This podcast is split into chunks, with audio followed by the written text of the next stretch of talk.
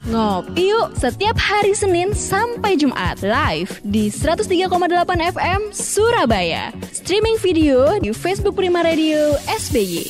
Ngopi, ngobrol inspiratif pagi.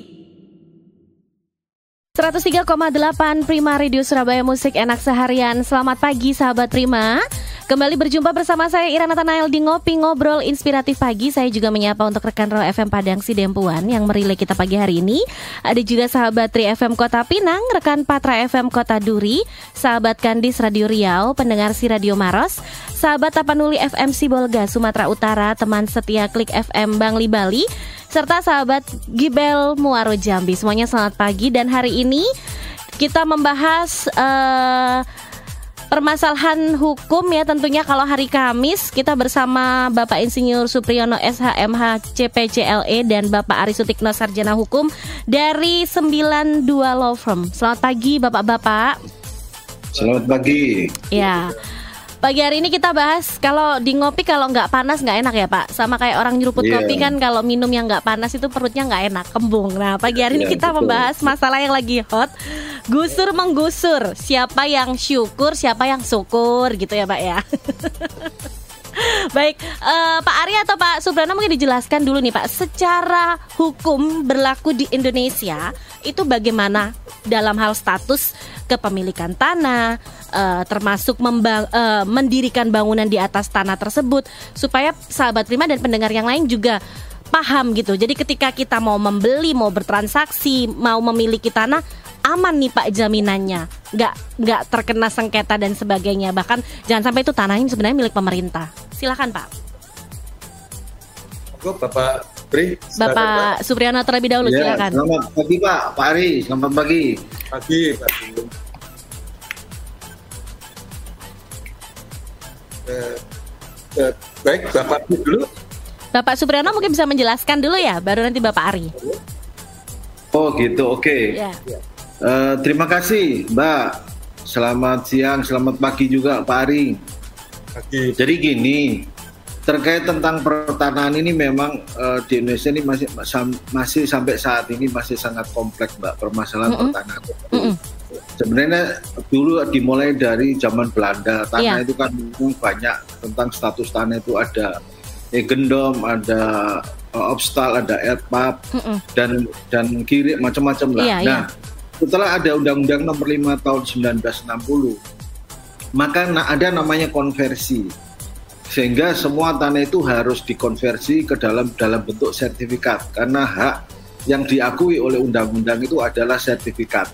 Yeah. Nah, untuk itu uh, adanya konversi maka airport itu dikonversi menjadi hak guna usaha atau hak guna pakai kemudian uh, obstal itu menjadi hak guna bangunan kemudian ada juga yang menjadi hak milik yeah. nah itu ada ada beberapa nah kita di masyarakat Indonesia dikasih waktu dalam waktu 20 tahun mm. semenjak 20 September 1960 dikasih waktu 20 tahun berarti 20 September tahun 1980. Nah, bagaimana apabila sampai batas itu warga atau masyarakat yang memiliki tanah tersebut belum melakukan konversi mm. tanah tersebut? Maka tanah ini akan kembali dikuasai uh, oleh negara, tapi bukan dimiliki, okay. tapi hanya dikuasai. Uh, okay. Artinya masih juga diberikan kesempatan untuk berikutnya. Nah, status tanah itu memang ada beberapa yang harus dipahami. Makanya kalau terkait tanah itu peralihan hak itu terkait mm. tanah itu hanya ada tiga, Mbak. Oke. Okay. Jadi karena jual beli, karena hibah atau mm -mm. waris. Mm -mm. Nah, status tanah ini yang kalau pembeli, pembeli kita mau beli tanah yang mm -mm. harus dipahami dulu adalah tentang status tanah. Mm. Apal sertifikat itu tidak terlalu masalah. Iya. Yeah kalau sertifikat karena dianggap sudah legal sudah uh, legal ya sudah kuat ya Pak standar ya masalah itu kan kalau statusnya masih SKGU masih letter C masih surat kiri dan lain-lain kan gitu itu yang harus dipahami betul hmm. karena itu nanti kewenangannya mutlak itu ada di desa kewenangan hmm. untuk dasar uh, peralihan haknya itu pasti support uh, desa sangat penuh karena nanti desa harus mengeluarkan SKT surat keterangan tentang tanah untuk mm -hmm. kalau dia dilakukan jual beli atau uh, pralianda atau mungkin pensertifikatan. Hmm. Itu itu yang pertama mungkin perlu kami sampaikan dulu. Sehingga harus sangat hati-hati terkait dengan tanah karena tanah ini uh, jangankan yang yang masih statusnya belum sertifikat, yang yeah. sertifikatnya kadang-kadang masih ada yang sertifikat double. Iya, yeah, iya. Yeah. Sertifikat mm -hmm. asli tapi palsu kan gitu. Iya. yeah. Itu yeah, Mbak. Iya. Yeah.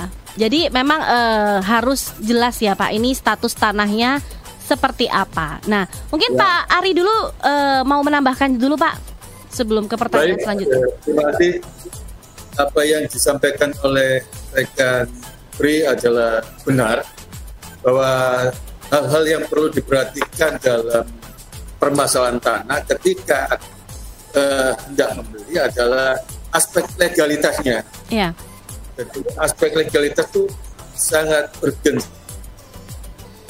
sekali karena di situ merupakan uh, uh, apa itu uh, bukti tentang kepemilikan.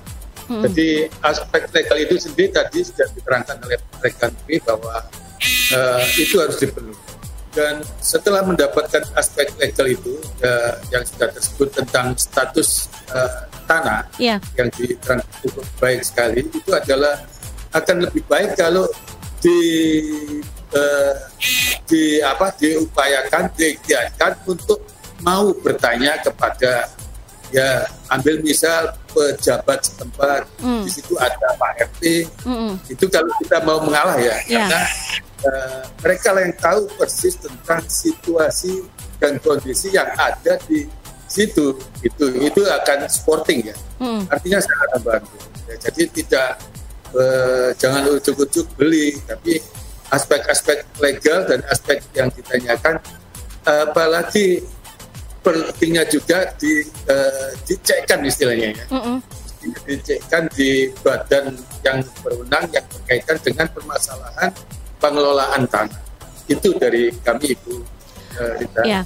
Uh, Pak tadi sempat disebutkan juga beli yang apa yang resmi istilahnya aja tadi ya. uh, kadang ada bermasalah statusnya. Tadi Pak Subrani juga bilang bahkan ada yang sampai uh, punya surat ini double. Nah, Berdasarkan pengalaman Pak dan fakta-fakta yang terjadi di lapangan, itu biasanya kenapa Pak sampai ada surat double bahkan akhirnya mengklaim uh, si A ini merasa dia punya hak atas tanah ini, si B juga punya hak. Nah ini biasanya sebagai uh, lawyer ini uh, apa nih Pak sudut pandang mana yang harus uh, diambil dan ini yang benar nih yang mana nih antara A sama B? Kalau memang mereka sama-sama punya surat nih Pak. Baik. Ya, hal-hal yang perlu dilakukan ketika hendak membeli sebuah objek dalam bentuk tanah atau rumah yeah. itu adalah uh, kalau uh, objek itu dalam bentuk rumah maka rumah itu dalam keadaan kosong artinya jangan sampai dalam keadaan ada penghuni mm. ketika membeli dalam keadaan ada penghuni itu akan menimbulkan permasalahan ya yeah. kecuali kalau penghuni itu statusnya jelas Sebab yang sering terjadi adalah penghuninya itu uh, dia tidak memiliki hak atas kepemilikan tersebut. Nah, perolehnya pun belum tentu dia legal karena uh, ada risk uh, untuk beli rumah atau objek tersebut.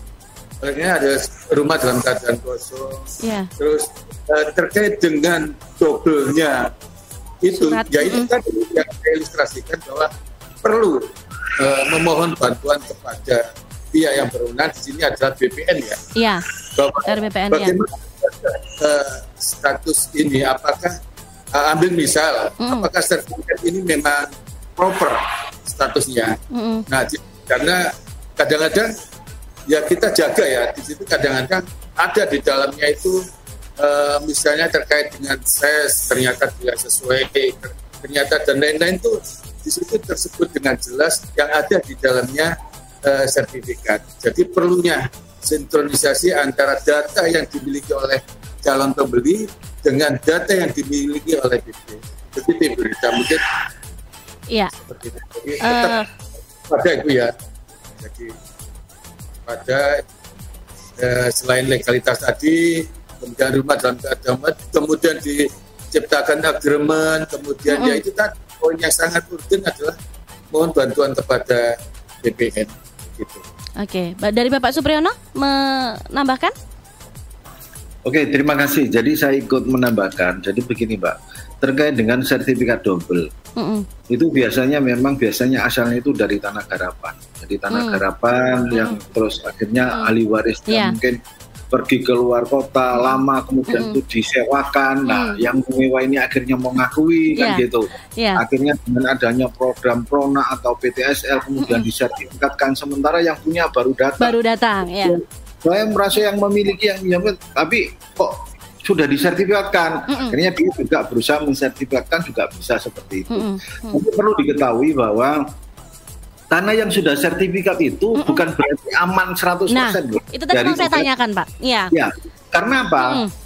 saya pernah nangani kasus seperti ini jadi Mm. tanah itu sudah sertifikat Mm-mm. tetapi bisa digugat karena dalam prosesnya sertifikat Iya. tersebut ada cacat hukumnya Nah, ya. ya terkait administrasinya mbak Mm-mm. biasanya begitu apakah itu surat keterangan dari apa eh, waktu proses sertifikat itu surat keterangan warisnya dipalsukan atau Mm. karena eh, apa eh, ada eh, persyaratan administratif yang Mm. bisa dilakukan itu pernah saya menangani kasus ini terutama terjadinya waktu itu di sidoarjo juga di Mm. desa Sadang Taman gitu ya Mm-mm.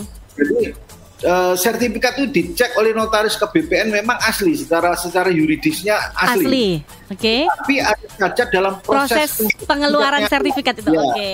Ya. ya, karena ada ada cacatnya itu. Itu bisa digugat. Hmm. Tetapi secara legal standing kalau memang sudah bentuk sertifikat itu sudah mungkin 99 99% itu sudah resmi lah kita pegang sertifikat. Nah, Hmm.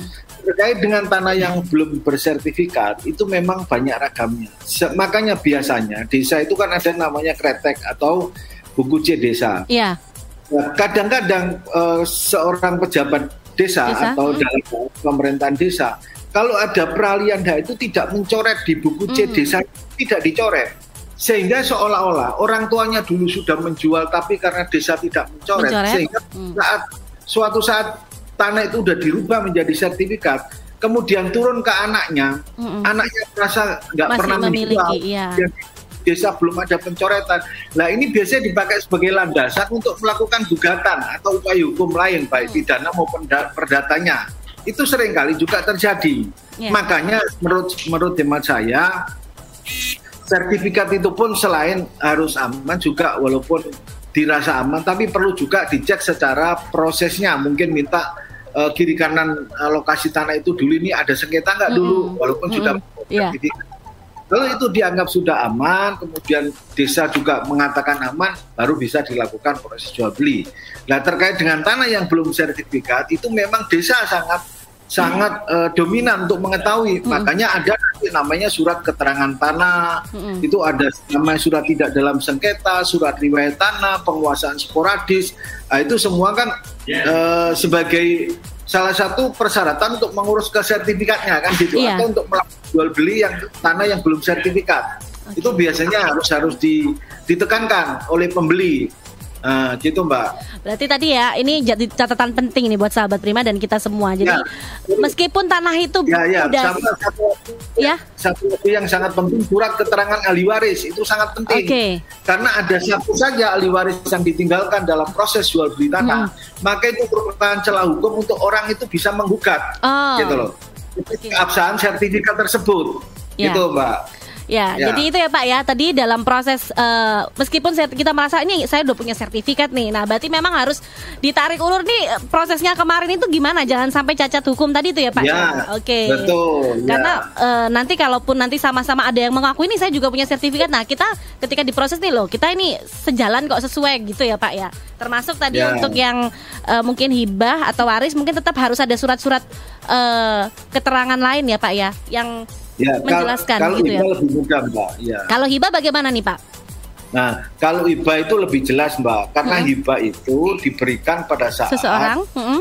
orang orang tuanya masih hidup orang Oke. tua laki ya Ya. orang tua laki masih hidup namanya hibah Mm-mm. dan itu jelas pasti fisiknya jelas kemudian eh, pemberiannya jelas gitu Mm. karena orang tua yang memiliki itu masih hidup jadi Mm. pasti jelas itu yang diberikan dalam hibah itu Oke. Baik, Yeah. Pak, ini sudah ada beberapa pertanyaan yang masuk, tapi saya tahan dulu. Nanti kita masuk segmen kedua ya untuk Bapak, Bapak-bapak bisa menjelaskan. Jadi nanti buat sahabat Prima yang ingin bertanya lagi silahkan. Saya masih ngumpulkan banyak pertanyaan ini Pak untuk pagi hari ini. Eh, nanti Bapak Supriyana dan Bapak Ari bisa eh, menjawab pertanyaan di segmen kedua. Tetap di ngopi untuk sahabat Prima yang ingin bertanya via WhatsApp di 08 11 30 10 38 atau line telepon di 7388500 di ngopi ngobrol inspiratif pagi. Ngopi yuk setiap hari Senin sampai Jumat live di 103,8 FM Surabaya. Streaming video di Facebook Prima Radio SBY. Ngopi, ngobrol inspiratif pagi.